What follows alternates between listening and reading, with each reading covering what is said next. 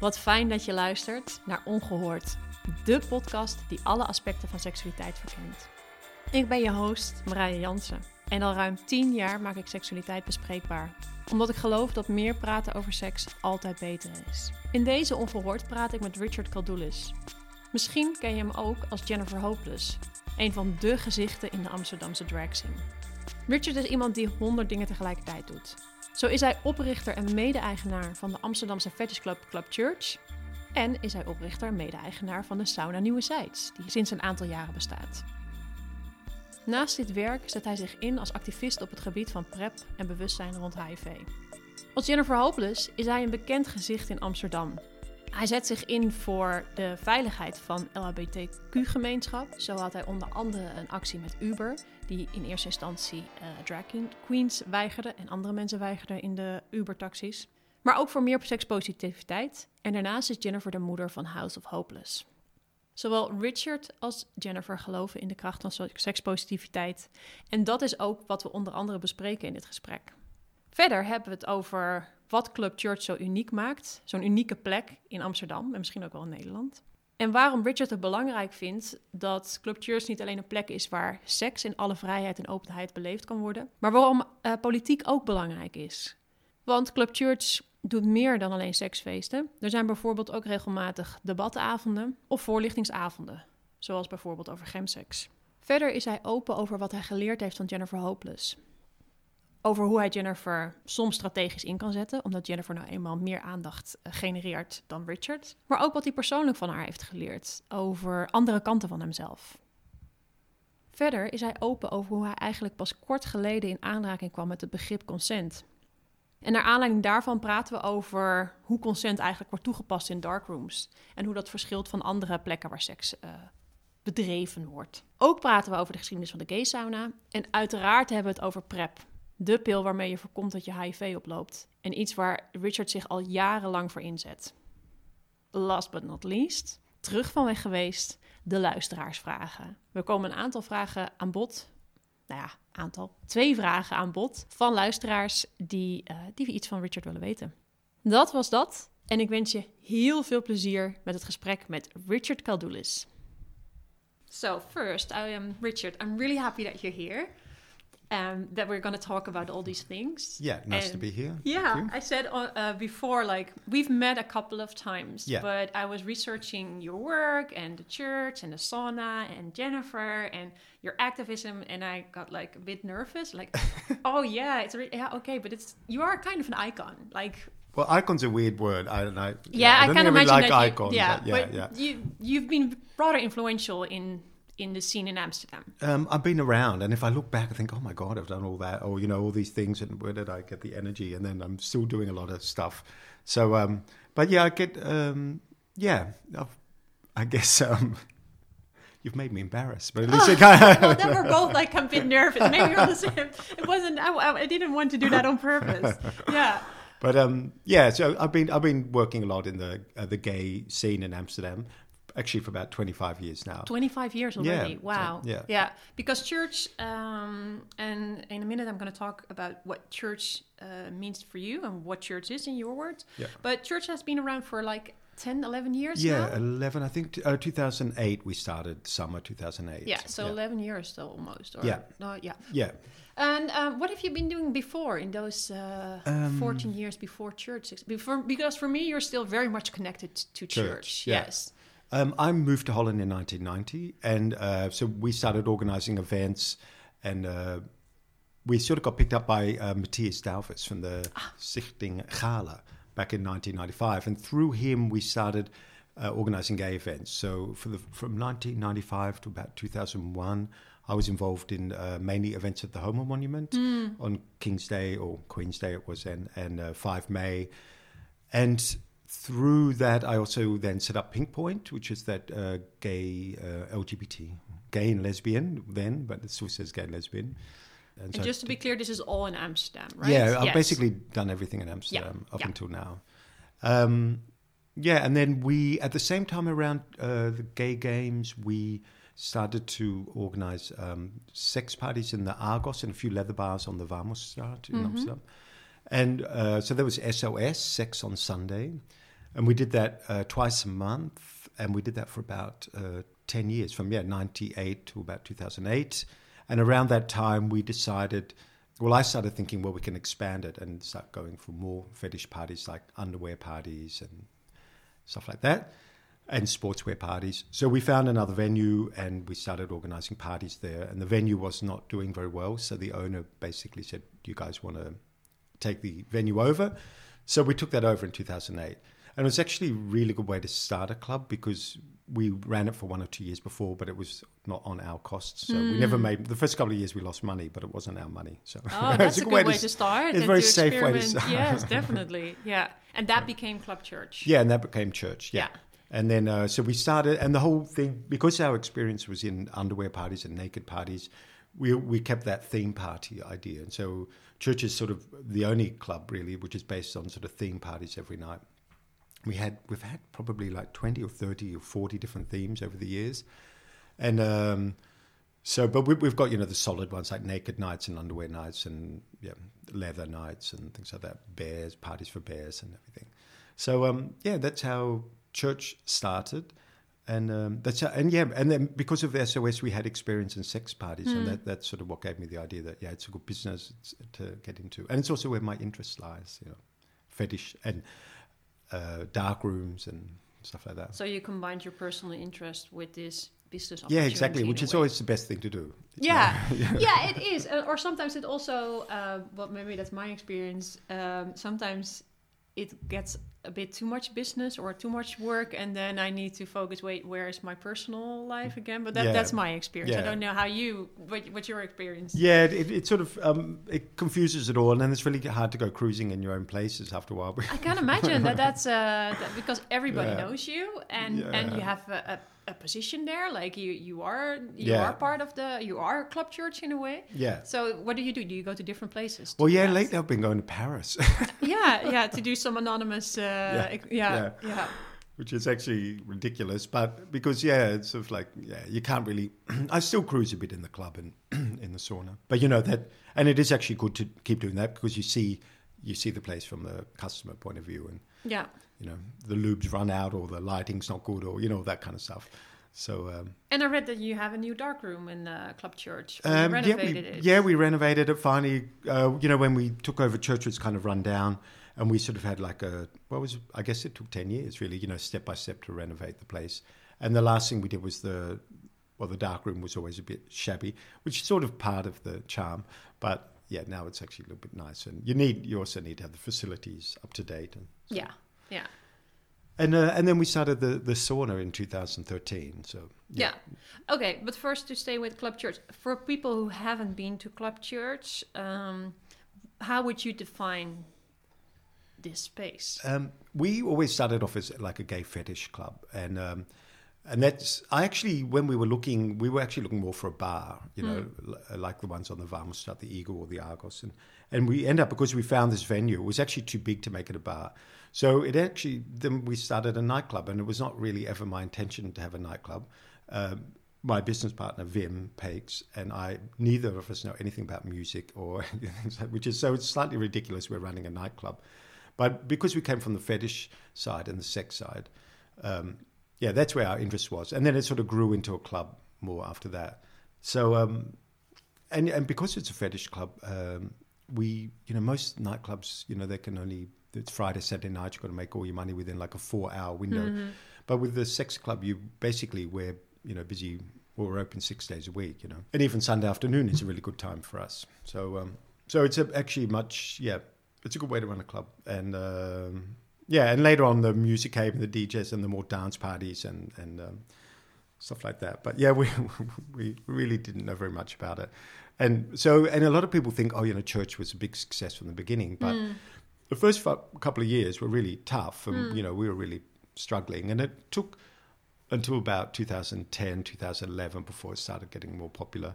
And the Cockring, which was the other sort of fetish club in Amsterdam, closed around then, and um, so we sort of then really started taking off around that. And what's the um, maybe it's a, a, commercial question? What's the market for uh, a fetish club at the moment? Is is this still? I talked to um, Mr. Leather um, earlier about yeah. uh, the leather scene a bit, and I did some research. And the impression that I got is that, for example, the leather scene is is an out, older dying out. Yeah. Yeah, is, a, is it becoming an older scene? Yeah. Is is that your experience, and is that the same with different fetishes that you cater to in your club? Definitely the leather scene, as we know it, is dying out. I think that's definitely an older crowd. The leather's expensive, but I, I think fetish is not. Because, you know, the younger cr- crowd's just so kinky as, as kinky as the older crowd. So, but it, um, but they change, you know, and you see things like sportswears become hugely popular, leather less. Um, there's a whole lot of things that yeah change in in that sense. But I think there's definitely need f- still for places like church. Uh, but you know, also the ways of cruising do change, of course, now with internet and everything. And when I first moved to Holland in 1990, there were 34 dark rooms, and now we're down to about in Amsterdam. we're- We're down to about um, six or seven now. In That's a huge change. Yeah, so Yeah. people don't really cruise in dark rooms so much now, and I, I'm not really so sure about cruising places outside in Mm. the, the beats, you know, in the parks and so. But I think that whether they're getting less popular or not, but yep, I mean it does change. In the 70s, apparently people cruised in the in the urinals on the street. That was like, Mm. and that's totally disappeared now. So there is a changing thing. But that being said, also the I don't think fetish scene has kept up with the needs. Um, you know, most of the gay venues, especially the gay fetish venues. Um, my theory is around the time of the AIDS epidemic, they stopped investing. You know, they all obviously lost a lot of customers, Yeah. and, and they all stopped investing. So if you go around to a lot of the gay um, uh, fetish clubs or saunas, they're often um, yeah, there's time warp to 1980. You know, they really didn't invest anything since then. So whether young people don't go because of the venues didn't keep up, or the other way around, you know, young people just not into cruising in dark rooms as much. But it, it also depends. I mean, I, I also think the like our underwear gets a younger crowd and, and leather gets an older crowd. So it kind of depends. And a naked party, for example, get an older crowd. So the, the kinkier or the more daring it is, it's generally older guys, and the sort of softer things attracts all the younger guys. So, yeah. And you said at the beginning, Club Church wasn't that successful yet, but I think in the in it has become more and more successful. Yeah. What what mm, what are you doing to attract people, and and why are people coming to your dark room and your club, um, even though um, there are so many less dark rooms and people are, are finding each other online, for example? What is the the magic of church? Well, I think a lot of things churches got. Uh, first of all, got really good, f- generally fr- friendly staff, and that's really important because you often don't have that in gay venues and fetish venues. Um, we've always been really on top of like. Uh, we've always been very politically connected as well. Like I've always been because I come from Sydney and I've there. I was that they did it better with HIV prevention. Condoms and lube everywhere within hand reach. And when I came to Holland, no one was doing that. So that's something we brought into all our venues. Um, we and we've sort of stepped beyond um, just the traditional, you know, uh, gay sex club because we're now starting, you know, with making parties more gender fluid, uh, being politically involved, uh, having a lot to do with um, PrEP and HIV prevention, and it's so it's sort of a community um, place as well as um, as a sex venue. Yeah. And um, and I think uh, yeah, we're trying to do something for everyone, and you do have totally different groups in. I remember right in the beginning we'd had a Brazilian, there's some Brazilian guy organised a party, and so these people, women walking out with feathers in their hair or Brazilian, and then the Leathermen were walking in at the same time for the next party, and it's just such a great combination of different things. And I, I think also uh, a vital part about church, and that's from Wim and me, and also with the new management, um, that we don't. Um, we don't look down on anyone's uh, fetish. It's a very open place. We don't look down on anyone's uh, fetish. Uh, I know most people, you know, they they're into their own thing and they find other people's fetishes really disgusting. Or, but I, we've always kept an open mind on that, and so yeah, you can do anything, you know, within limits, obviously. But in church, you can walk around naked and have sex on stage on a regular dance party if you want, and so that sort of open, free spirit, I think, is Yeah. really important to the club. And um, I want to come back to the church later, but I also want to talk a little bit about the sauna, which is open now for Uh, three or four years. Yeah, no, uh, uh, 2013. So, Oh, already six years. Yeah. Uh, yeah, yeah. And what made you decide to open the sauna, Sauna Nieuwezijds? Um, well, again, um, there was only one. When I moved to Amsterdam, with I think we had four or five saunas, and when we opened 2013, we were down to one Thermos, and didn't have the best reputation. It was a great building; had been around for 50 years as a gay sauna. And the guy who'd been running for the last 20 years was a banker, and he ran it like a bank. And the staff were really unfriendly, and it was all about the money. So most people, it was really going downhill. And we always knew most cities have more than one gay sauna. You know, Sydney's got four or five, and so we knew there was room for another sauna. And um, so that's why that was our thing. And of course, we know the scene now, and so we were kind of positioned perfectly to start one. But when we opened, he he went. He was going downhill anyhow, but he ended up going bankrupt about a year and a half after we opened. So we, there's still only one sauna in Amsterdam, but it's us now. Yeah. and what's the what's the how does is the sauna different? Of course, it's a different experience. A sauna is different than a nightclub. But yeah. what do you see other differences between the sauna and maybe the people it attracts or the the, the place it has in the in the in the Amsterdam community. What are the differences for you between the church and the sauna? Um, saunas are always something that attract a wider public. You know, I've, I, based on nothing, but my estimate is that half the gay men would visit a gay sauna. And a, a fetish club like church, probably 5% of the gay, pub, gay mm. men would go to a place like that. It's much more niche market. Churches still frightens a lot of people off, you know, it's a oh, scary, dirty fetish club. Whereas a sauna has always been, I mean, that's been part of the gay scene or men's cruising scene back to Greek. Has a very long history. Yeah, yeah, yeah, really, literally. Uh, so it is just much more accepted, and, and um, so you get a much wider uh, public. So in terms of sexual, probably more vanilla guys, you know, not sort of hardcore fetish guys go to that, but you get all kinds of guys going to it. And um, we really designed the sauna as more sort of like a sort of like a gentleman's club, and it's a very sexist term now, of course, mm. but um, but you know, it's a place where you can hang out and have a drink, and we're open till eight in the morning. You know, Friday nights and Saturday nights, so you can people go there after parties and and um, and it's a, a real kind of loungy, relaxed atmosphere. It's not so um, focused on sex as as church is, and um, yeah, so you get a different, you do get a different atmosphere and different public. And and with the sauna, it's funny to see if you go the daytime, you get an older public, mm-hmm. and the later you go, the younger the public is. So Saturday night, you know, two in the morning, it's a very young public, really. A younger crowd. Yeah, yeah. yeah. Hey, and why why the why do you want to create these places where people can explore, express, celebrate? experience their sexuality? Yeah, well, for all those reasons, you know. Yeah, yeah, yeah. Maybe that was yeah. a close question. but it's important. It's really important, and you do see uh, communities around places like that, and sex creates friendships as well. And it is important, you know, that we that things are not all just online, and that there is places where people come together, and it, it there is. It's really important, I think, still to have uh, queer spaces because. Okay, there's a lot, and I think the scene's moved a lot now to parties. In Amsterdam, you've got Rapido and Funhouse, all these big scale parties.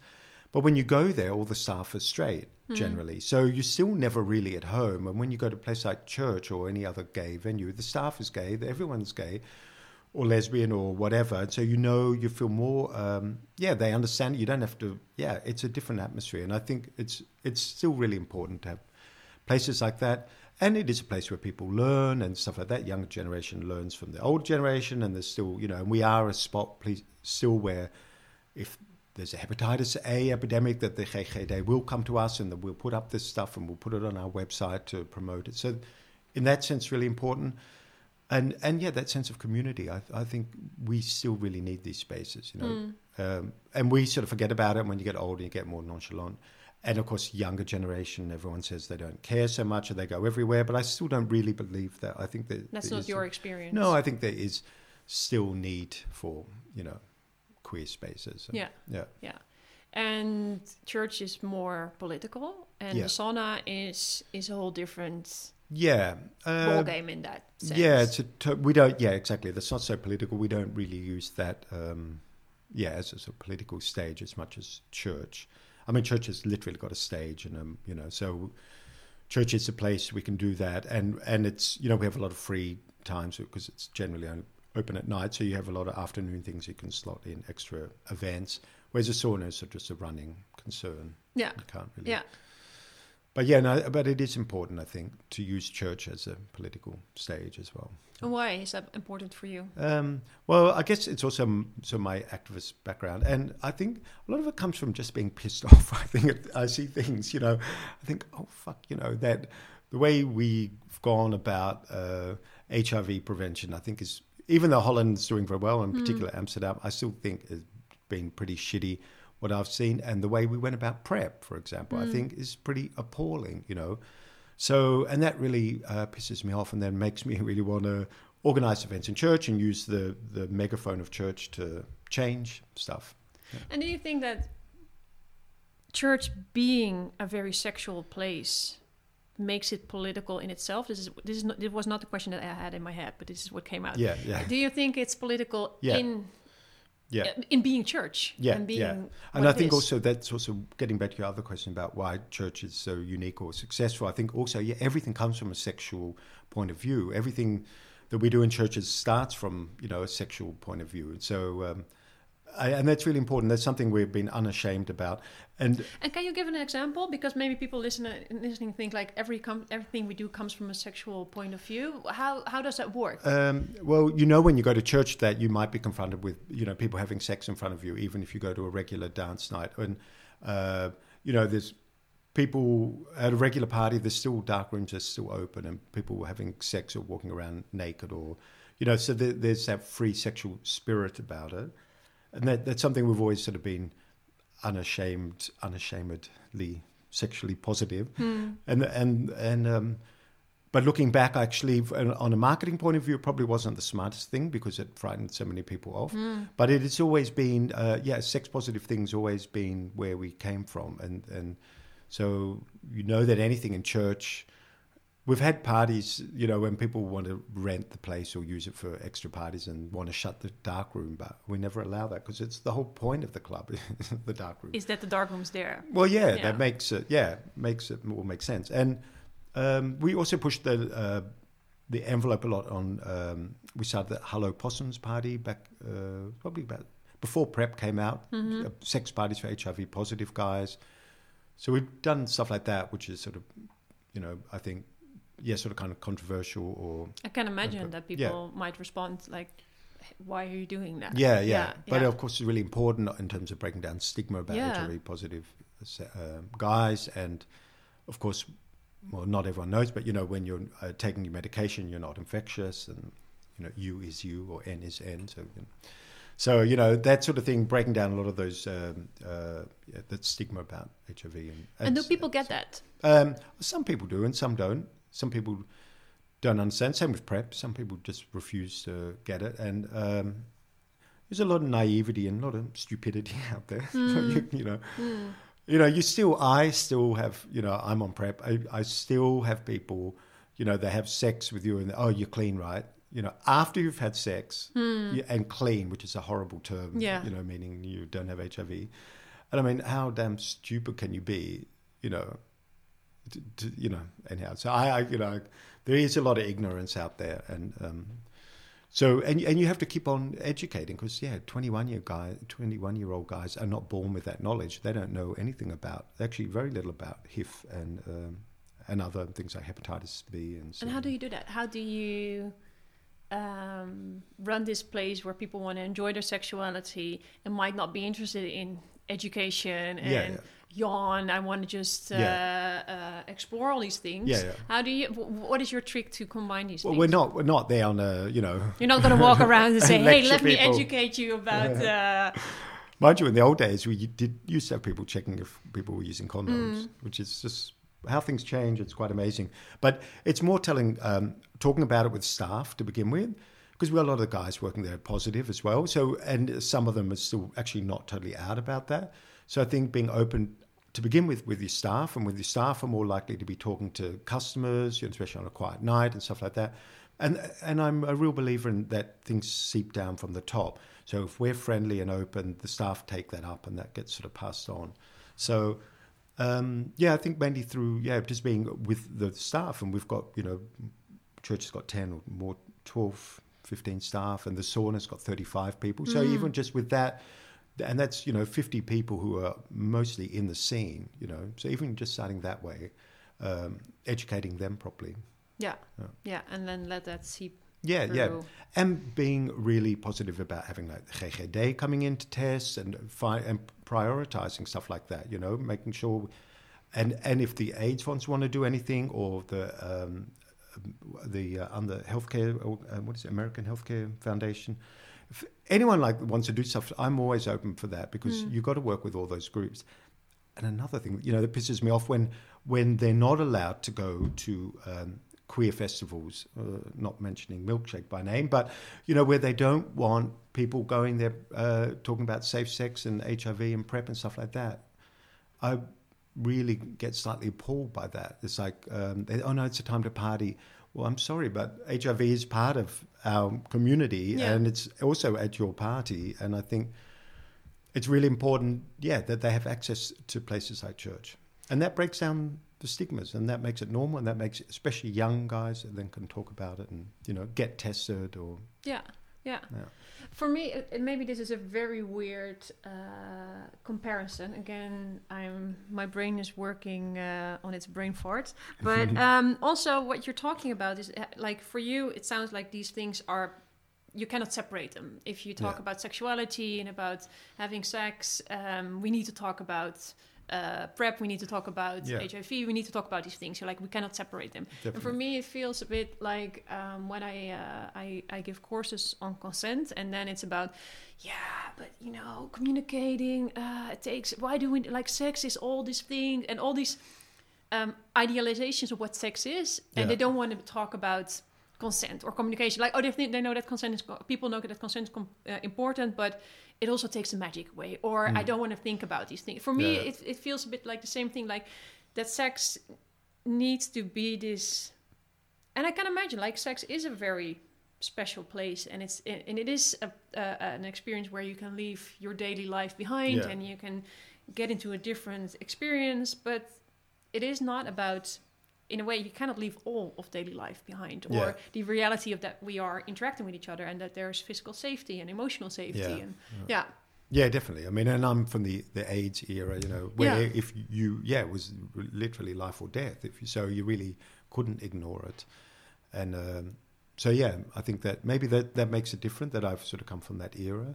But, um, but you know, there's, there's it, you know, a whole bunch of stuff. And now there's a whole of chemsex and all this sort of stuff. So there's definitely a lot about it. And, you know, the do's and don'ts and just simple things to protect yourself, like hepatitis, having hepatitis B vaccination and stuff like that. So I mean, yeah, I mean, I get it. And sex is irrational, and sex is, you know, all that kind of thing. And but on the other hand, yeah, there are, of course, unfortunately, unfortunately, limits and you know restrictions and things like that. So yeah and indeed, consent is something that's also a really new uh, thing, especially in the gay fetish club scene and stuff like that. and how do you uh, work with that in what way is it new and and I'd never thought about it, and someone mentioned it a while back, like consent, and I almost laughed. It's like You like, consent "What?" in Yeah. a dark room.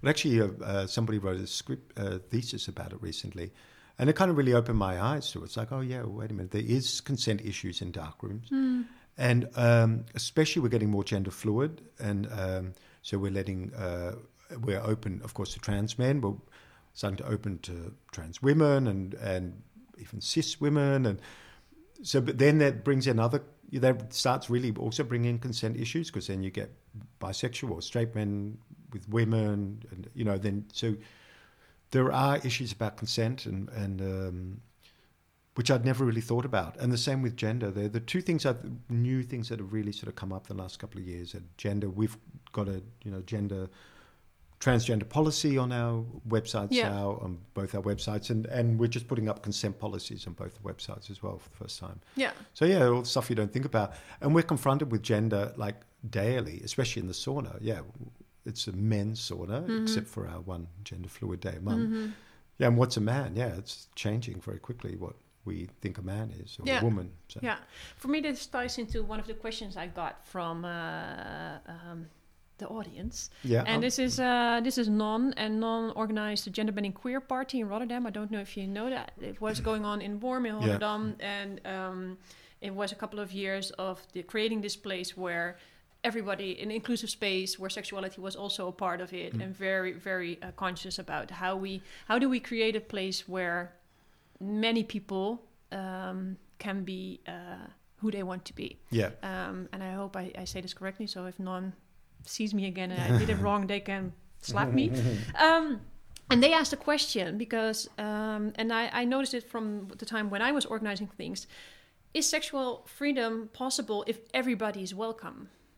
Um, you know, yeah. I mean, look, it, it goes down anyhow to like um just a regular gay bar, you know, and then um, you know this the whole thing. Yeah, and then uh, women come, of course, and then they bring straight men, and then you lose the whole thing. And I, I've never worried about that in church because um, we just have a guy fisting on stage, and that will frighten all the homophobic people away in one go. So I've never church has had such a sexual energy. I've never worried that's going to be taken over by straight people.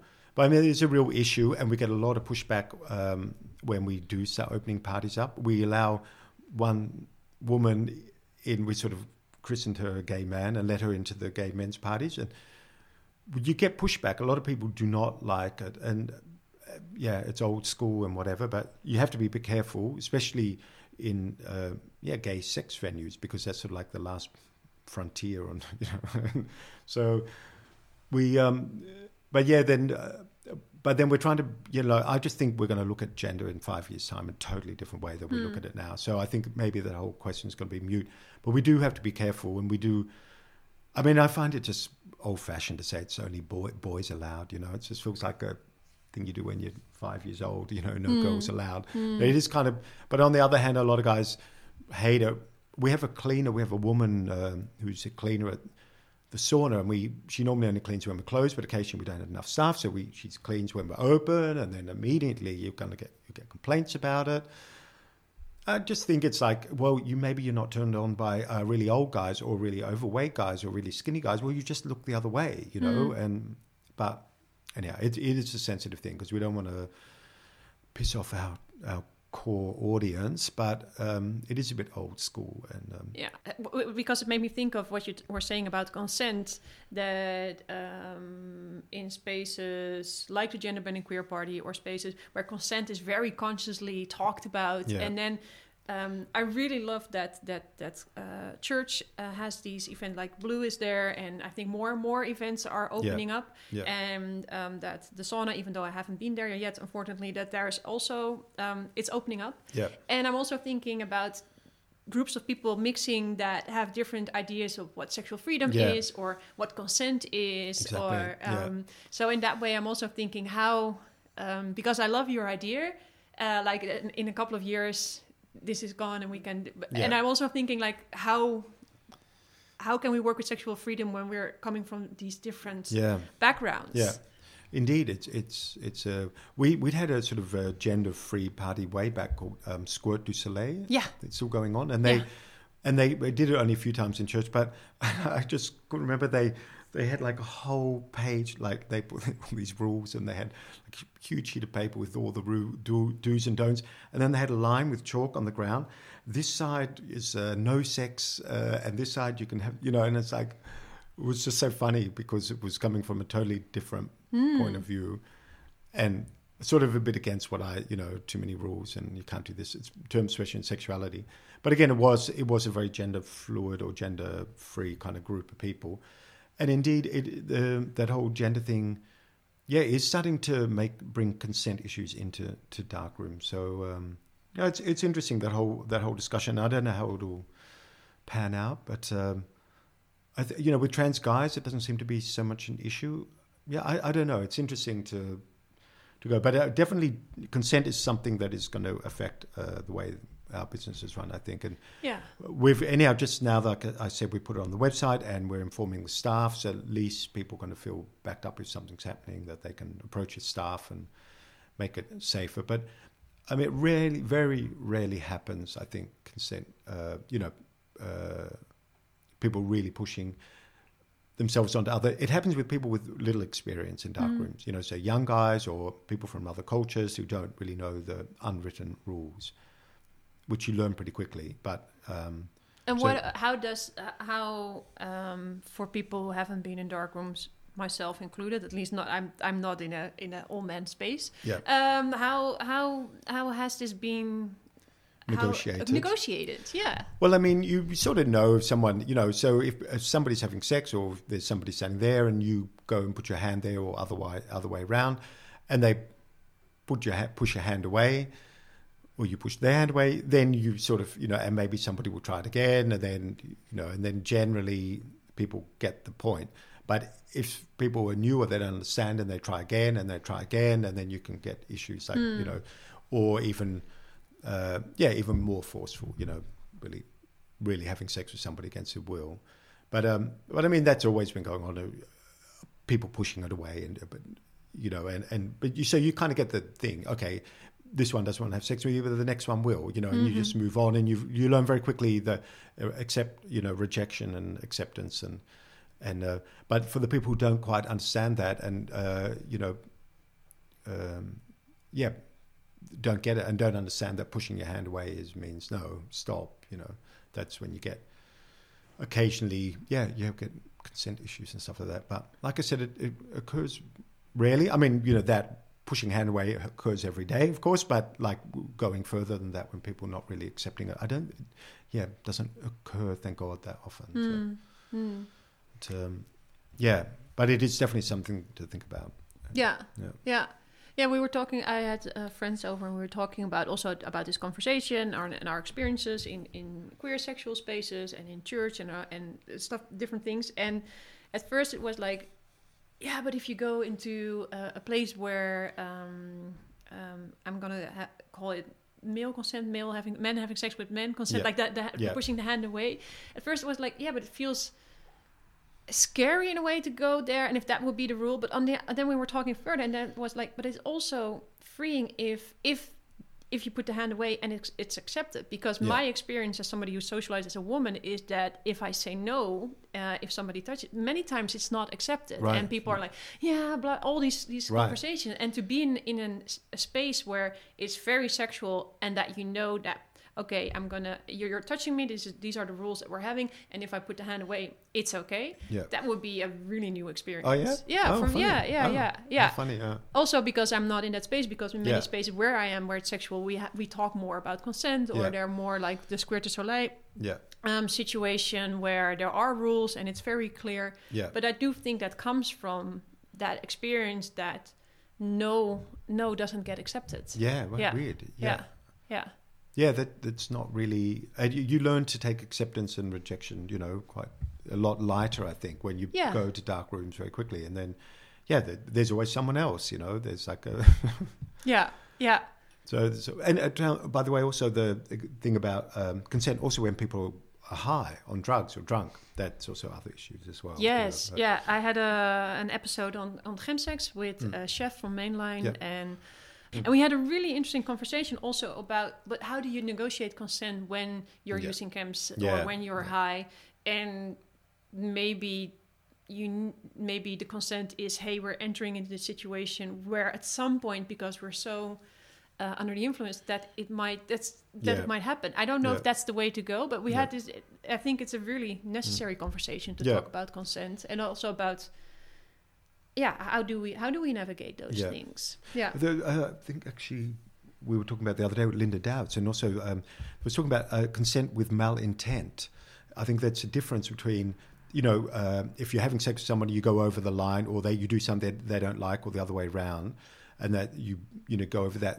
But it, it, it depends, I think, on the intent as well. If if you're doing that on purpose, and you you know that is a big issue. I think a, a distinction between mal- the intention of of- consent accidents and consent violations Exactly, that's Yes. the words. Yeah. yes yeah, yeah, i had this conversation with uh, linda about it so I, I i know that she's very into it because we, i mentioned it and she was like what oh this is so and i think it's very Hmm. Oh, you were the one to- that mentioned to her. Yeah. yeah, I don't want to take the bla- praise, but Yeah, I wouldn't say the right. blame, but Right, uh, but yeah. actually, yeah, but it's not my idea. It's not my. I really Right. don't want to take the claim for the Yeah. idea.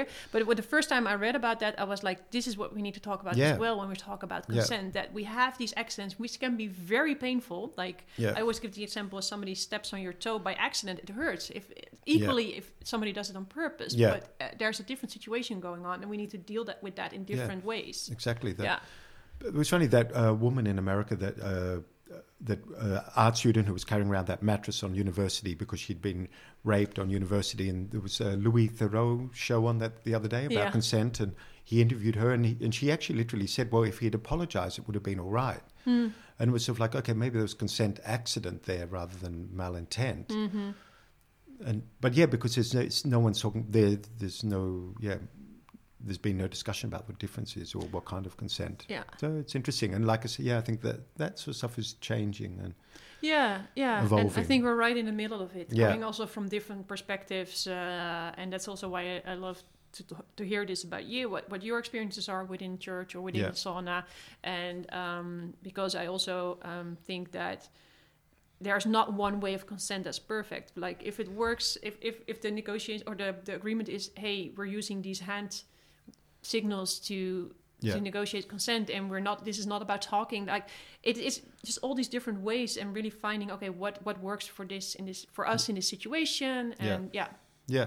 yeah So and then yeah, and then uh, in a dark room situation, it's a world upside down. So yeah, and how do you translate that into a dark room situation? But yeah, but I mean, Yeah. in some ways, it's the same. I mean, you know, it's yeah, it's acceptance or rejection and how you Yeah. go about it. So and i really like what you say about because again when i work with consent a lot is about rejection and how do you say no to people and how do you take no and in the the, the circles that i am people really struggle again with that Mm. con- uh, rejection and then i think it's really interesting to learn from people who like you say are, are used to that like it's Yeah. part of the, the Yeah. game in a way or part of the, the the experience that you're having that yes rejection is a part of that and then you go on to another and yeah, well people can have all kinds of ideas like oh sex you need to have that with one person like but, but i think yeah, well that's a whole different conversation but that that is that is just part of yeah. the yeah We'd seen uh, when I was with my husband, we were in Australia, there was a sex party there, and they had the rule: uh, say uh, yes enthusiastically, say no um, respectfully. yeah which is also interesting. But it's also looking, yeah, for the guys who are doing the rejection, you know, if you're also rejecting, do it on a respectful way as well. Yeah. And if you say yes, do it in a you know happy way. Yeah. so I mean, you know, that's also, I think, also important to yeah for both sides of the story, you know, because you also get in a situation where people push away really rudely, or you act whatever, you know. So, or for the reasons for rejection i'm also thinking uh, and that's a different conversation again that i had about like the norms about who is sexually attractive and who is not Yeah. and and why are you reject, rejecting certain people yeah, and other people that fit in into your norm. I had a, another conversation. I'm, all these conversations. That, that- that's the that's the benefit of a podcast, but sometimes they mix up. Um, uh, with Dirk and Dirk, um, he had he told his personal story, and he said, well. As part of uh, the gay community or being very sexual in that, um, I got rejected because I was uh, not the body type because I was fatter, fatter than was accepted. Yeah. And he said, "Well, I got such rude rejections just because I didn't fit in." Yeah. And I think, and then we, and then it also makes clear how complicated these things are Yeah. because we can say, "Oh yeah, but rejecting rejecting respectively is a good way," and I agree. But then also, but hey, how do we challenge our norms about who is sexually attractive and who's Yeah. not? yeah. Yeah, And also, in a dark room is often very dark. You know? Yeah. it often Yeah. goes about touch and things like that. or- yeah, yeah. Yeah. Or you're busy with someone else, you're just not in the mood for someone to join in or Yeah. whatever, you know. Yeah. So, Oh, all these topics. Yeah. Um, okay, I had a whole different list, and we're now Oh, okay. focusing on this. So I'm gonna, uh, I want to ask a different question Yeah. that I also got from uh, somebody on the, uh, a group of Instagram. It's called Sex Praat, and they have uh, discussion groups about sexuality. Hmm. And they mentioned like, hey, Club Church gets mentioned in Yeah, our discussion groups, and the question they have is, what do people need to know that never been to a, a place like Club Church before they enter the location? oh, I don't know. uh, that it's not scary and it's not dirty and um, it's actually very free and liberating and that, yeah, so you, you don't have to be scared. No one's going to attack you. Mm. but it's actually a very respectful place in terms of sexuality, I think, and uh, a, a liberating place. Yeah, you can do what you want and no one's going to look twice. So, um, uh, yeah, I think it's a place with little prejudice, or yeah.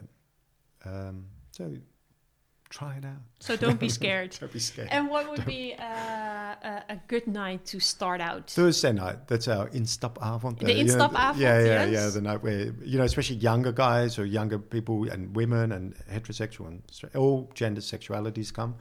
um, and that's more just a regular dance night. And so people usually, well, guys in the house start there, and then they'll go to the Friday, the underwear party, which is also not too hardcore. It's all quite friendly, and then they'll end up on the fetish night and the fish fuck night. So that how that's how that's what people can expect. Yes, This is- exactly. will 20 be years the, later. Twenty years, yes, years yes. later, you'll all be there. Yeah. yeah. yeah. Um, speaking of that, I was um, uh, again researching for today, and I rewatched part of the documentary uh, Weg van de Kerk about Okay. uh, Robin Vogel and his Yeah. experiences.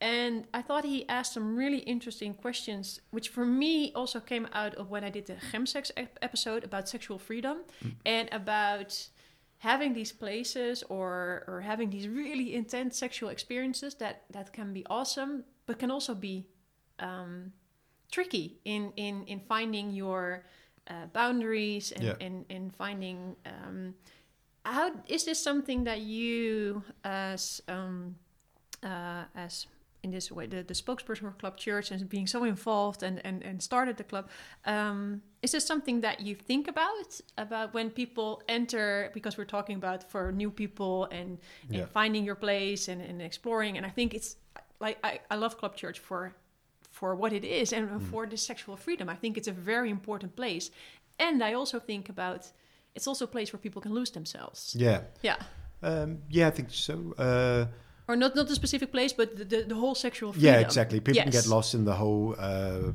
yeah, sex and drug scene. And, but you know, that's I think plays more out on Grindr and stuff like that. Mm. People go to uh, parties at home and sex parties and drugs and stuff like that. In church, there's more of a uh, yeah, because it's a club and we've got more rules. I think there there are there's more supervision or there's more. You know, there are people there keeping an eye out. So I, I would say that there's more. Um, yeah, it, it's just as scary to go on a Grindr date or a sex party in someone's house. But um, on the other hand, of course, people do get lost, and I think um, you you do see, uh, especially young guys or, or asylum seekers or new guys that they suddenly get they're dumped.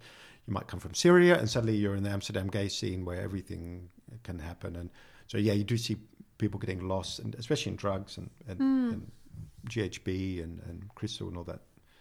Lender. So, yeah, it's tough, and I think, um, but I think you know the apps are just as bad because it's so easy to come in contact with somebody, you know, on the app and chems positive. You know, if I was 21, yeah, and I met somebody on the Grindr and there was chems, and I, you know, when I was 21, I wanted to try everything. I would have tried everything as well, you Yeah. know. So it's so easy for guys to slip into that, you know, into the drug scene, and then before you know it, And what would be your um, having all these years of experience as, as somebody who goes to uh, the clubs and somebody who runs a club and, and a sauna, like to how can we create a safer environment for people to not get lost, lost that much or find a way back or kind of care for, Yeah. for people? It's um, you know it, it's often around their own circle of friends, I think, and um, yeah, you know it's I don't know. I don't I don't know. I mean it's a real issue in the whole community I think and um, drugs especially. So I don't know. I, I don't know how uh, you rescue people because I've you know you see it and people you know going down on drugs and taking too many drugs and disappearing and falling into that trap of addiction and and you know maybe it doesn't happen all that much and I mean for us as a club owners we really have issues with uh, GHB you know that's our and, and yeah crystal's a, a nightmare but that's not something we have we're that's not our we're not confronted with people don't get taken off on ambulances on crystal not like they do with uh, GHB but yeah I don't know I don't know what um, I guess it's it's um, yeah, education probably is the only thing. Knowledge and sharing knowledge, and that there are all these groups like Mainline and all that working, you know. Yeah.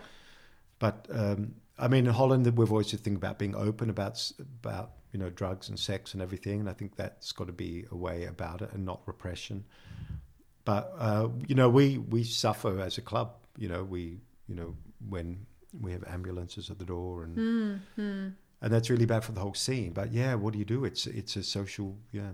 People take drugs. Yeah, you know, I've taken drugs. So, Yeah. You know, we've all taken drugs. So, yeah You know, and it's uh, and it's hard to talk about this like uh, without um, also just if we take out the drugs, but just talking about sex positivity, which I think is a very important topic. Yeah. And sometimes I feel a bit, still a bit guilty if I want to challenge the issues that sometimes Mm. also come with it, because it feels like, hey, I'm fighting for this thing, creating Mm. spaces where where people can explore, it, or creating spaces, or with this podcast, for example, to create all these opportunities for people to really explore their sexuality. Because I, I think we we both want people to do that. Yeah. I think it's important, and talk about the situations that are difficult because it kind of sometimes for me it sometimes feels like I am um, taking away that first. I give people the opportunity to say, yeah, but hey, these sexual free spaces, see what's happening. Uh, people are losing themselves, or there's drugs or whatever. So it's it's it's yeah. I don't think it's just the sex. I think it's the drugs. I mean, I don't see people losing themselves in, in sex, and I don't think there's anything. There really is such a thing as sexual addiction. Oh no, or- I don't believe that. Yeah. No, no, no. That's a different. Yeah. Uh, no. So no. it's it's not the it's not the sex. It's it's the for you, it's really the party. yeah, the yeah, yeah, and the yeah. drugs, and and Yeah. okay, okay, that goes with nightclubs and that goes with sex, but I don't think that's the yeah the real issue. The sex is not the problem. Yeah. Yeah. So, Yeah. and I think yeah, people are healthier when they have good sex and they're healthier, more relaxed, and it's good for your spirit, your soul, your, your body, Definitely, and relationships, and it's good for friendships. And I think people forget that, you know. But there are friendships around sex, and you have a community around sex, and they're Yeah. you know really. Um, I think the BDSM community has, uh, you know, like really strong communities, and you know. Yeah.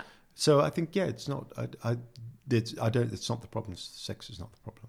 No, no, I, and and if. Yeah. if I gave that impression, Yeah, I, yeah. I really don't want to give that impression because I do think that that um, also sex in uh, in shared spaces, like having these places where different people are having sex, in my personal experiences, has been a very freeing experience to Yeah. see other people doing things that I maybe at first find scary, or to see people really enjoying themselves and Yeah. really getting rid of shame, or and, and and being in that space where it's really celebrated. It is extremely um, beneficial. Sounds a bit medical, but like, uh. Yeah. but it's it is it has been for me. It has been a really important part of Yeah. exploring my own sexuality to have these spaces where Yeah. where we're together. Yeah. And yeah, And these are the sort of experimental places. I think, like you could say, the gay men have always been sort of leading in terms of sexual, you know, experiences and relationship, trying new relationships and stuff like that. And these are the places where it happens as well. You know, in the dark rooms, in the sec, and the fetish venues, and the wasteland parties, and the you know stuff like that is where people experimenting and trying new forms of sexuality and. Because what we have now doesn't work for everyone, obviously. no, no. And um, do you think because you're uh, uh, you're also an activist and very outspoken Mm-hmm. Yeah. about uh, many different topics? Yeah. Um,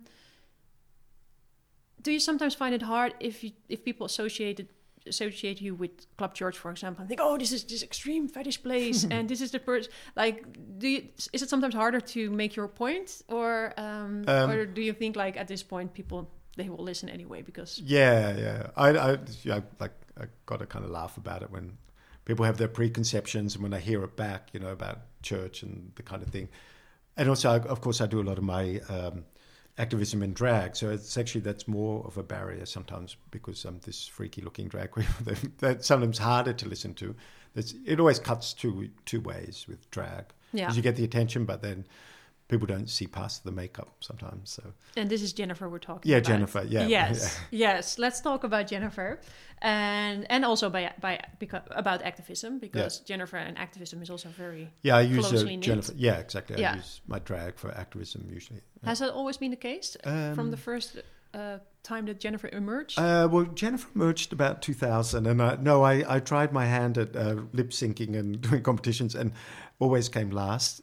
Uh-huh. Seriously, because my kind of drag is not really appreciated in the then anyhow that in the drag community. And then it wasn't until about um, oh, then we started organizing the Drag Olympics around 2003 or 4 So doing something different with drags instead of just lip syncing, and the penny started to drop that um, combining drag with anything except lip syncing is actually uh, gets a lot of attention.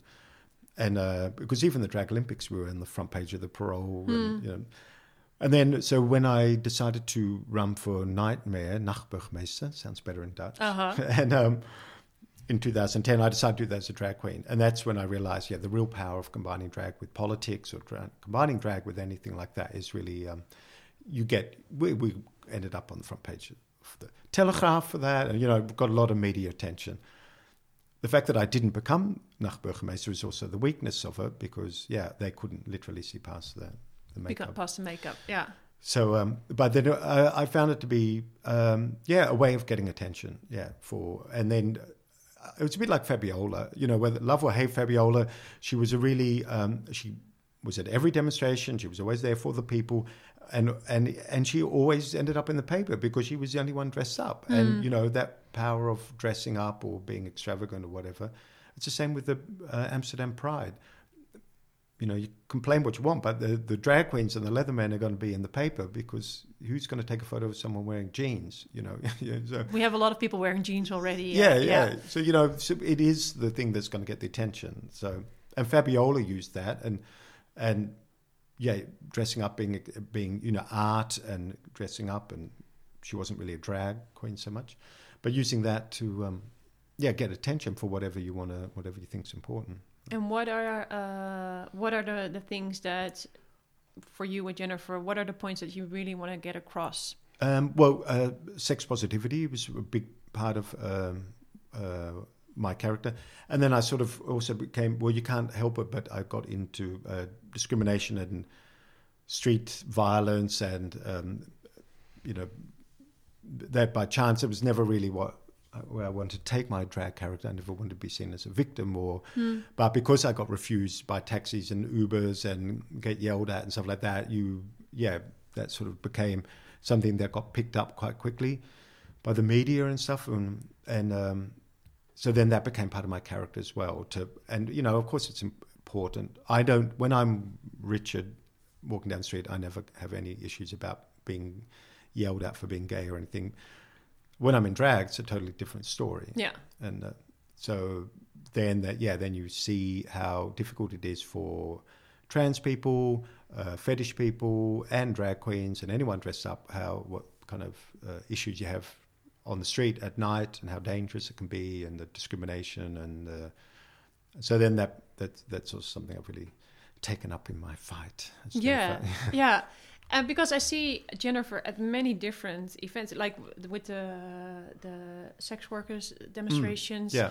I always see Jennifer uh, again on the picture, like you say, like right. it, it, attracts attention. Yeah. But but you're there, like yeah. Jennifer is there, and yeah. um, even if it's not maybe immediately your cause, yeah. Um, why do you want to be so visible?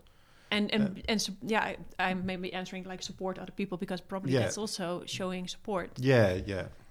Yeah, I mean, I, I am, I'm, not, I'm probably not there as much as you think, but like I said, yeah, indeed, you get in the paper and you get in the, you get the attention. So, yeah. But you know, I, uh, running the club and and uh, you know issues then obviously about sex because it's also my work and so and all that and and the whole hypocrisy around sex really um, gets me worked up, and mm. And that also then led on to my activist work as prep because that, that just sort of naturally fell in to what I was doing, and that also came from literally talking to staff at the club and young guys who were saying, "Oh yeah, I always I always have sex well, safe sex well, not you know if not if I'm drunk or if I really."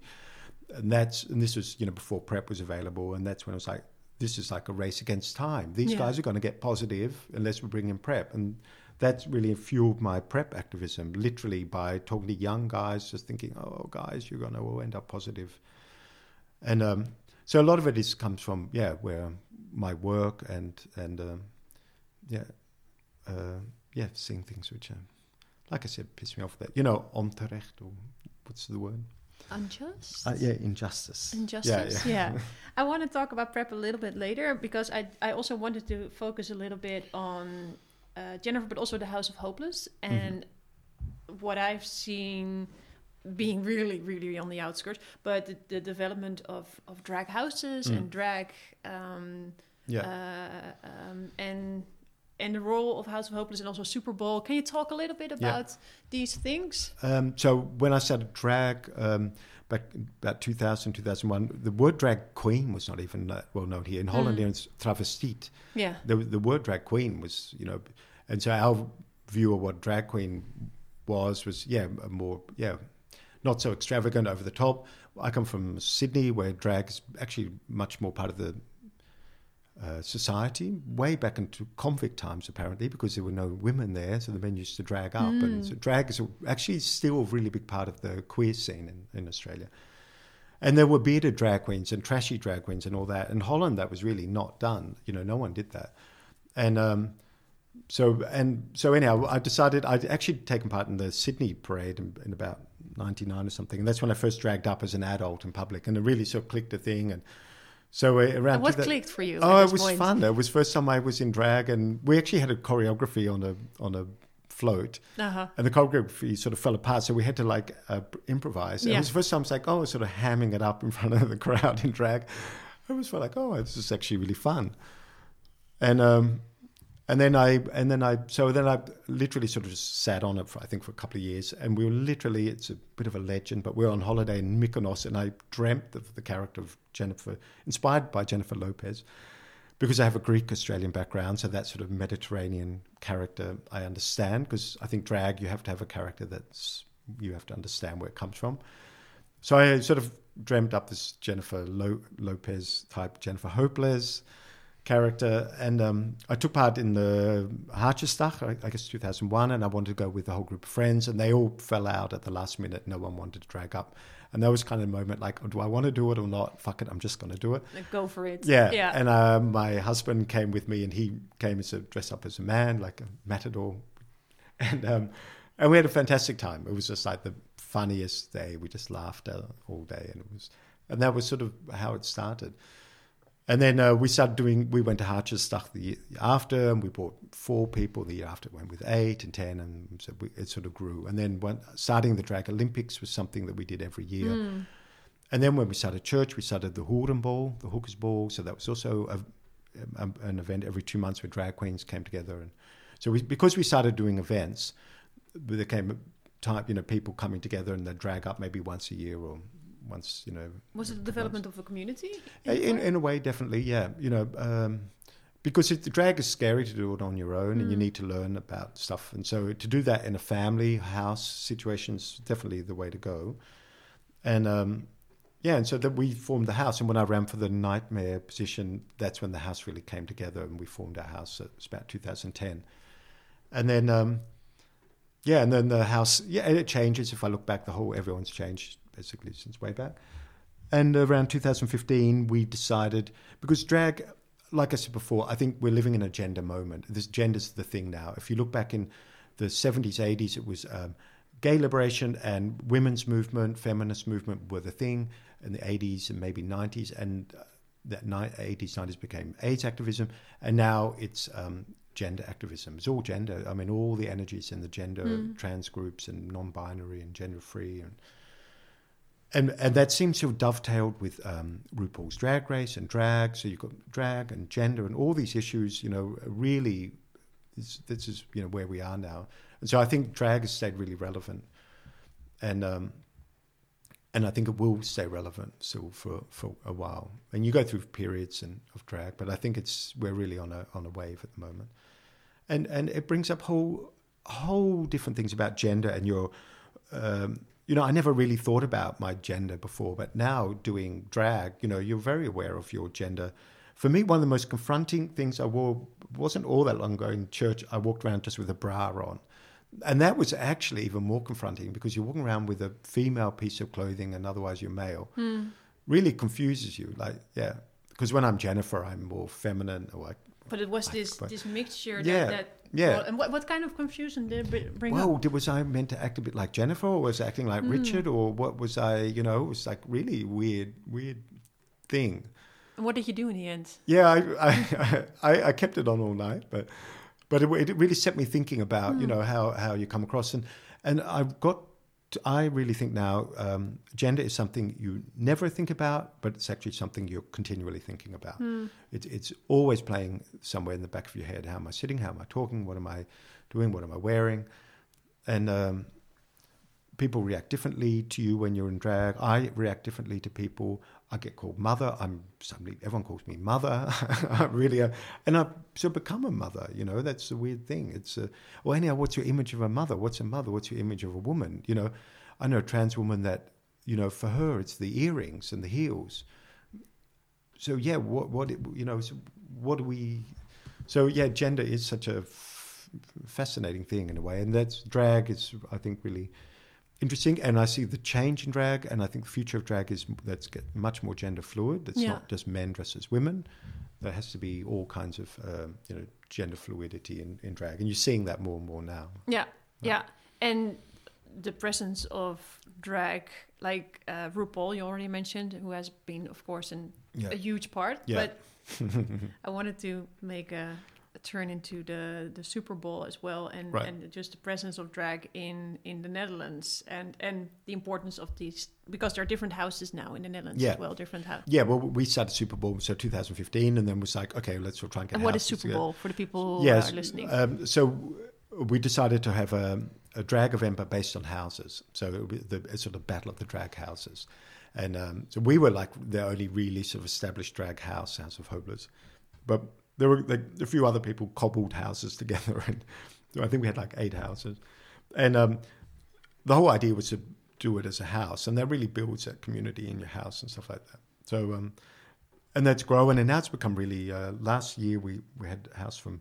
Paris and uh, one from Ireland, uh, Switzerland. We've had houses from Greece, and so all over the place. And it's becoming like this, like a Eurovision for drag queens. yeah, really cool. yeah, and um, and it's great. Some fantastic drag there, and um, and not only what I call old school drag, but you know a lot of really daring and new kind of drag, and and a European kind of drag as well. Not so much only copied from that American type of drag.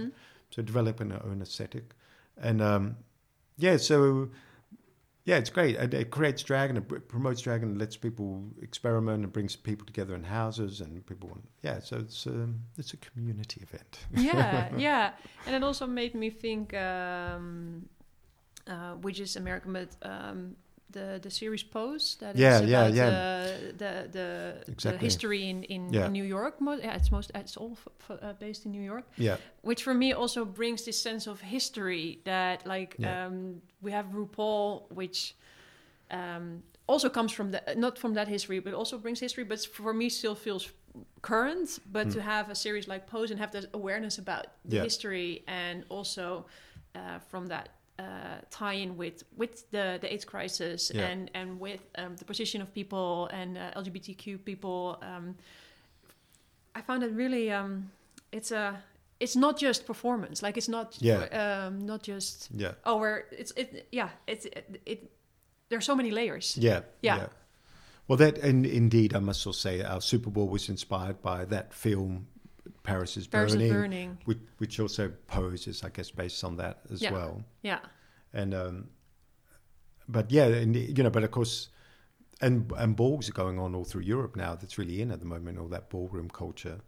Um, but we, you know, we did slightly different. You know, we had a our Superball is not based so much on that because I think that's very much a Black and Latino community, anyhow.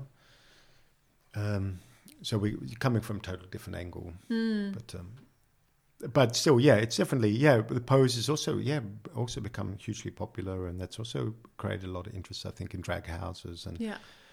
and and it, it is sort of true. Like I said, you do create a sort of family structure, and people feel at home, and you do learn from each other, and you do yeah.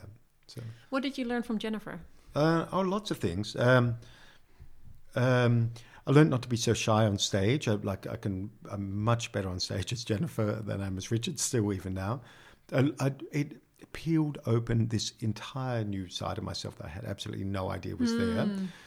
I, I, yeah, I'm just, uh, you know, I jokingly call myself a grey mouse, you know, as a man, because I, I don't, I, I just automatically wear boring clothes as a man, but in drag I'm just the opposite, and um, become. Um, I learned to be a lot nicer, friendlier, smile Really? more. Yeah. yeah, yeah, yeah. So I, and I really have taken that over as Richard, that sort of friendliness and and how, especially if I'm being political and stuff like that. I, as Richard, I get really pissed off, and uh, but as Jennifer, I'm sort of do it with a smile. so I I, I, I, I became a better man being. Uh, Being Jennifer. yeah, definitely. Yeah, Yeah, yeah. yeah. It, it's a it's a fascinating thing to do. You know, drag. Everybody should do it. I think so. It I encourage like- everyone. yeah. Uh, I encourage everyone. Have you drag kinged? Have you? No, no. I well, a little bit. I organized uh, a couple of drag king workshops, Ah. but my trick, and that's also my um, is uh, or trick sounds a bit um, like I'm manipulating. I, I really love to organize all these things that I actually want to be a part of, but I'm I'm always the organizer, so I can say, oh, I cannot be a part of it Oh, because I find it super scary. So, uh, Oh, but really? also I, maybe I should participate in a drag king workshop and not Huh. organize them anymore. Well, Yeah. I haven't done for years, but uh, yeah, Okay. yeah. Because we're doing it in church now. Yeah, we have the. I saw that, Yeah, House yeah. of Lost Boys. Yeah, yeah, yeah, which yeah. is really cool. I should Yeah. check that out. Yeah, yeah. definitely come to a thing that will sort of open Yeah. stuff. And, and it's about 12 uh, women that uh, go to that. And again, forming a really tight community really quickly. And I'm so happy about that because it's like, oh, we're bringing in women and we're bringing a bit of gender diversity into Mm. drag. And I think RuPaul, if I may, may criticize the of mother, course. that you know he's still got a weird old school look at drag, and he oh you know drag is men as women because Mm. that's subversive. Well, it might have been subversive in the eighties, but it's not subversive now. And I think drag is what what is drag anyhow? To, drag is is a, to me it's about gender, and it's about exaggeration, and and it's a performance, you know. And I don't think. And I think if it, you're just saying it's men dressed as women, I think you're limiting drag enormously. You know, Yeah. drag's got to be much more about uh, uh, all kinds of gender play, you know. And anyhow, even the new generation not even bu- busy with gender and drag. You know, they think it's old-fashioned to be fem feminine in drag. To to uh, to work with those binaries. It's more about, yeah, yeah, yeah, They all want to be dressed like insects and stuff like that. they think that's the future of drag. Well, maybe it's insects. I know. Yeah, yeah. I could be wrong. we'll see. Yeah. Um, okay, let's talk about PrEP.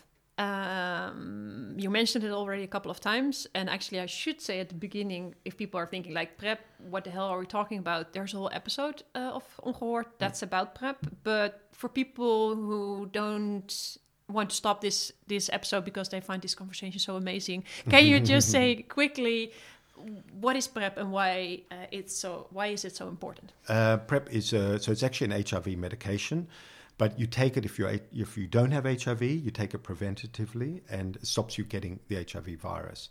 It's been around since about 2012 in America, and around 2016 we started getting really agitating for it to be here in Europe, and that took into about I think 2017. Finally, the the EMA, the European Medicine Agency, allowed it as a prophylactic in um, in Europe, and it was still 500 euros a month to get it. And then we were extremely fortunate that the patent ran out. I think 2018 or maybe it was 17, so it became affordable for most people. But the government, yeah, didn't was holding it back, did nothing about it, and um, oh, because of all moralistic reasons. And um, but yeah, it, it's extremely effective in preventing HIV. It's even more effective than condoms. So you're basically 99.9 percent um, protected if you take PrEP. Of course, it doesn't prevent other STIs. Um, but it's a very effective way of stopping um, HIV, and you can take it daily, like I do, or you can take it intermittent. So you can take it um, 24 hours before sex. and You take two pills, and you take one pill on the day of sex, and you take one pill the day after. So, And what did it do for you? um, look, it it um, liberated that whole thing about fear and sex because I've always, I've like I said, I grew up in the AIDS epidemic, and you know that was like always hanging over me. So that to not be fearful about getting HIV and sex was quite an amazing thing, and to have sex without condoms was pretty amazing after all those years because it became this sort of like you know anything you're not allowed becomes of course this huge taboo, and uh, becomes even more of a thing.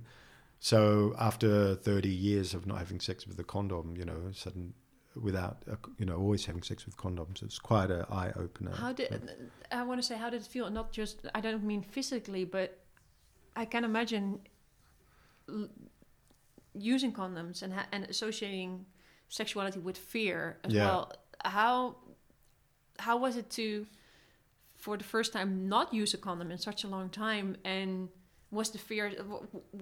If it's too personal, please don't yeah, answer. yeah, but- no, it was it, it was freak. It felt wrong. It kind of felt like oh my god, and I'm going to get every other STI in the book, and and it felt um, yeah, it, on the other hand, it, became quite quickly became quite normal. You know, you forget about it.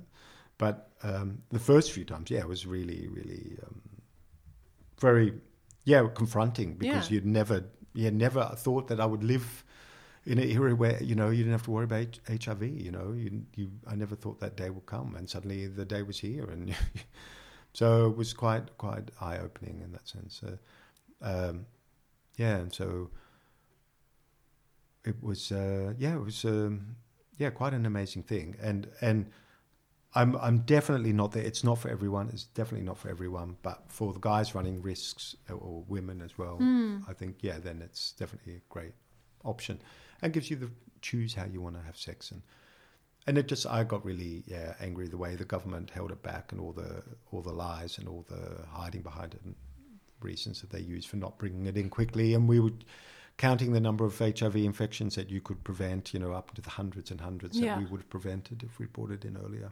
Hey, what's the current situation? Because there has been a whole development. Yeah. Uh, like you said, it, at, at some point it was 500 euros and, and it was hardly available. Uh, What Yeah. what I've been reading is that it becomes more and more available. There's Yeah. more awareness. Where where are we now if it comes Um, to PrEP? well, if you if you have a doctor who will s- uh, prescribe it to you, you best you can just go to your doctor. You pay about thirty euros a month for the PrEP.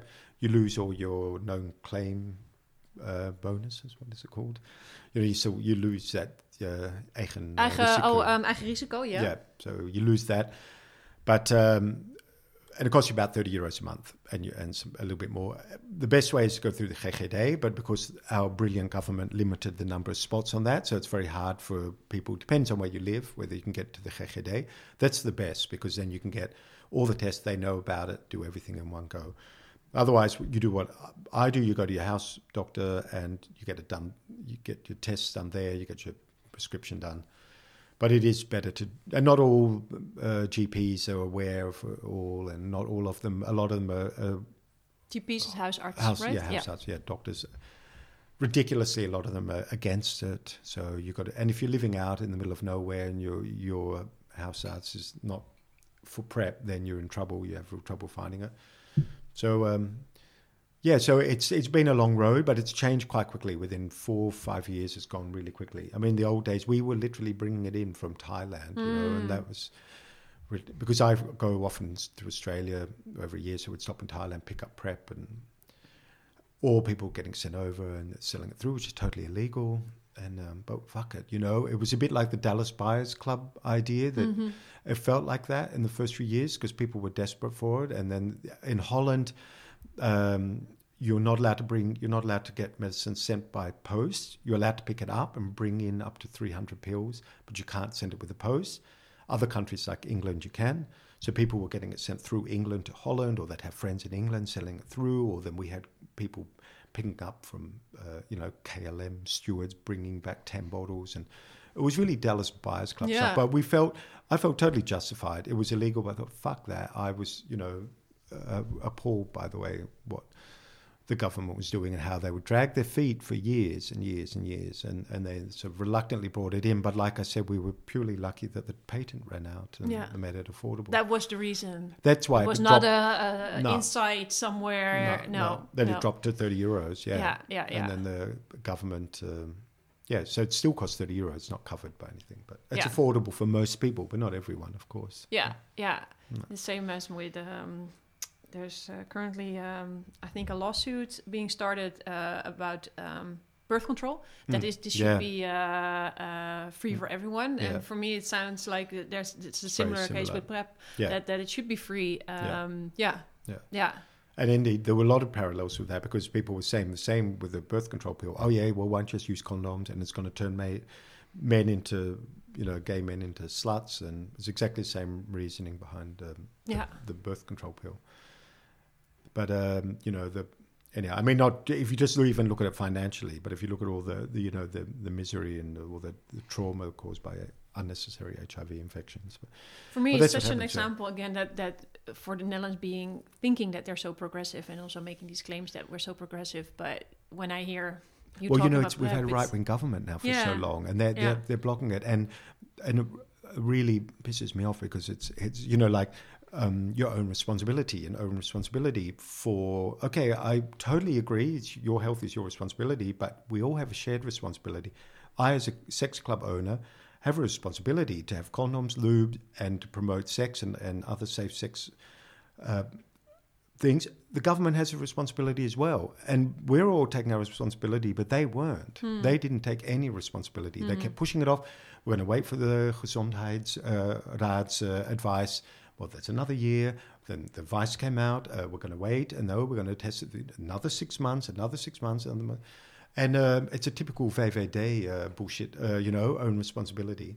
Yeah. Uh, but no, it's a shared responsibility, and the government has a role there. And we've fought 35 years to end the epidemic, and then it's in hand reach, and, And they don't do anything. yeah. And so 35 years they lied. You know, they, they oh yeah, we, we want to end the epidemic. Well, And now here's practical yeah. the tool to do it. Yeah, well, you see the HIV rates are dropping dramatically, uh, also Yeah. in Holland now. but Yeah. Like, and uh, but everywhere PrEP that's been introduced, so you knew that, and I just, yeah, I can't stand that. Uh, and then you know, because it was my personal crusade against VVD, because you know in, in Amsterdam and the you know, the gemeenteraadsverkiezingen, and then you know the GGD, the the sorry the VVD would go around. Yeah, we're standing paal achter the the homogemeenschap. Yeah, we're standing right behind the. And it's bullshit. It's bullshit. It's uh, they were not at all. And election time, yeah, they're standing behind us. Yeah, sure. But yeah. something so important as ending the AIDS epidemic, no, that's your own responsibility. Yeah, you know, and i- you can't justify it on any way. Financially, you can't justify it. Eh, Morally, anyway, you cannot justify it. But they got away with it. They got away with it. Anyhow, no, well, not anyhow. I, I, I can, I, I, I feel your, your, your anger. yeah. And so- and that leads me to a very uh, personal question that I sometimes experience. I don't know what about you. Like the frustration. How do you stay so outspoken and such an activist with these situations? What do you? Well, how you do know- you deal with activist burnout if that's happening? yeah, no, no, no. Don't get angry, get even. You know. Yeah. And then, uh, so I do feel like, and I write, I've written columns in the game, uh, you know, Attitude magazine, stuff like that, and, and I've used it to bash the VVD, and so I do feel like, yeah, okay, I'm channeling my frustration into, oh, maybe I influ- influence a few people not to vote for the VVD. Well, that's, then I've done my job, you know. Yeah, yeah, yeah. So it's more channeling it, yeah, than getting totally frustrated with it. And anyhow, like I said, it's sort of turning into a happy ending because we do have accessible, fairly accessible PrEP. So How uh, high is the awareness uh, with the visitors of, of church or the sauna with PrEP? Are people in uh, Holland, yeah. really high, um, Yeah. because of our. I'm part of the action group uh, PrEPnu, PrEP nu, yeah.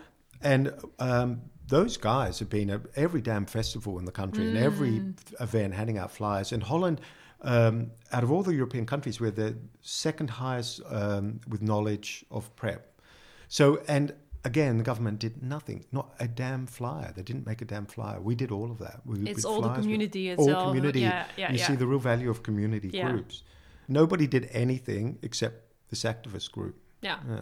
yeah, yeah. So, uh, Well, that's maybe a positive thing in this very in this in the negative situation that this awareness is so high thanks to Yeah. the community stepping up and Definitely. and, and putting themselves putting themselves out there. Definitely, Yeah. definitely. You, you see the value of community groups and who, how important that is for for uh, getting things done. You know, so like our own act up, or you know, Yeah, this sounds like a beautiful ending to this conversation. Or is there anything that we didn't cover? We covered a lot, I but is so. there is there anything that you feel like, oh, I really want to mention this before we really close? no, I think um, we pretty much mentioned it all. Right? So we're going to end with the value of community and the Yeah. importance of community. yeah, Yeah. cool, nice Great. end. Well, thank you. Thank you, Maria. It's uh, very nice to be here. Yay. Dankjewel voor het luisteren. Wellicht heb je nieuwe dingen opgestoken. Of heb je je ergens in herkend. Of kom je erachter dat je eigenlijk wel heel erg nieuwsgierig bent naar Club Church of naar de sauna. Ik kan je absoluut aanraden, als je nieuwsgierig bent en nog nooit bent gegaan, om een keer die stap te nemen. Ik heb vooral ervaring met Club Church en ik vind het een hele bijzondere plek waar heel erg veel mogelijkheid mogelijk is. Dank ook voor de vele toffe berichten die ik van jullie heb ontvangen. Het is zo gaaf om te zien dat ongehoord iets betekent voor jullie. En dat jullie er je beter door voelen door herkenning of steun of kennis te halen uit de podcasts die gemaakt worden. Dank jullie wel. Ik vind het heel erg fijn om te horen dat ongehoord ja, van waarde is. In de show notes vind je een stapel links waarmee je meer informatie krijgt over alle onderwerpen die voorbij zijn gekomen. Dus ben je nieuwsgierig naar een van de onderwerpen die je hebt gehoord? Wil je meer weten over gemsex? Wil je meer weten over prep? Over andere dingen? Check de show notes. Ik maak ongehoord met heel erg veel liefde en plezier. Het is echt een feestje om deze podcast te maken. Daarnaast kost ongehoord maken ook tijd en geld. En jouw steun kan ik daar heel erg goed bij gebruiken. Kan je iets missen? Ga dan naar de Patreon-pagina van Ongehoord. www.patreon.com ongehoord. Deze link kan je ook vinden in de show notes. En daar kan je een bijdrage doen die past bij jouw budget. Of dat nou één keer is, vaker, of het een klein bedrag is of een groot bedrag, jij bepaalt wat je bijdraagt. Is dat geen mogelijkheid, maar wil je toch iets doen voor ongehoord? Een positieve recensie op iTunes is echt heel erg fijn. Een geschreven recensie is helemaal fijn. Het is tof voor andere mensen om te lezen wat jij zo tof vindt aan deze podcast. Maar een 5 sterren beoordeling is ook al heel prettig. Want hoe meer mensen de podcast positief beoordelen, hoe meer mensen de podcast kunnen vinden. Dat was dat. Ongehoord is een productie van de Platform voor Seksualiteit. En deze podcast werd gemaakt door Marije Jansen.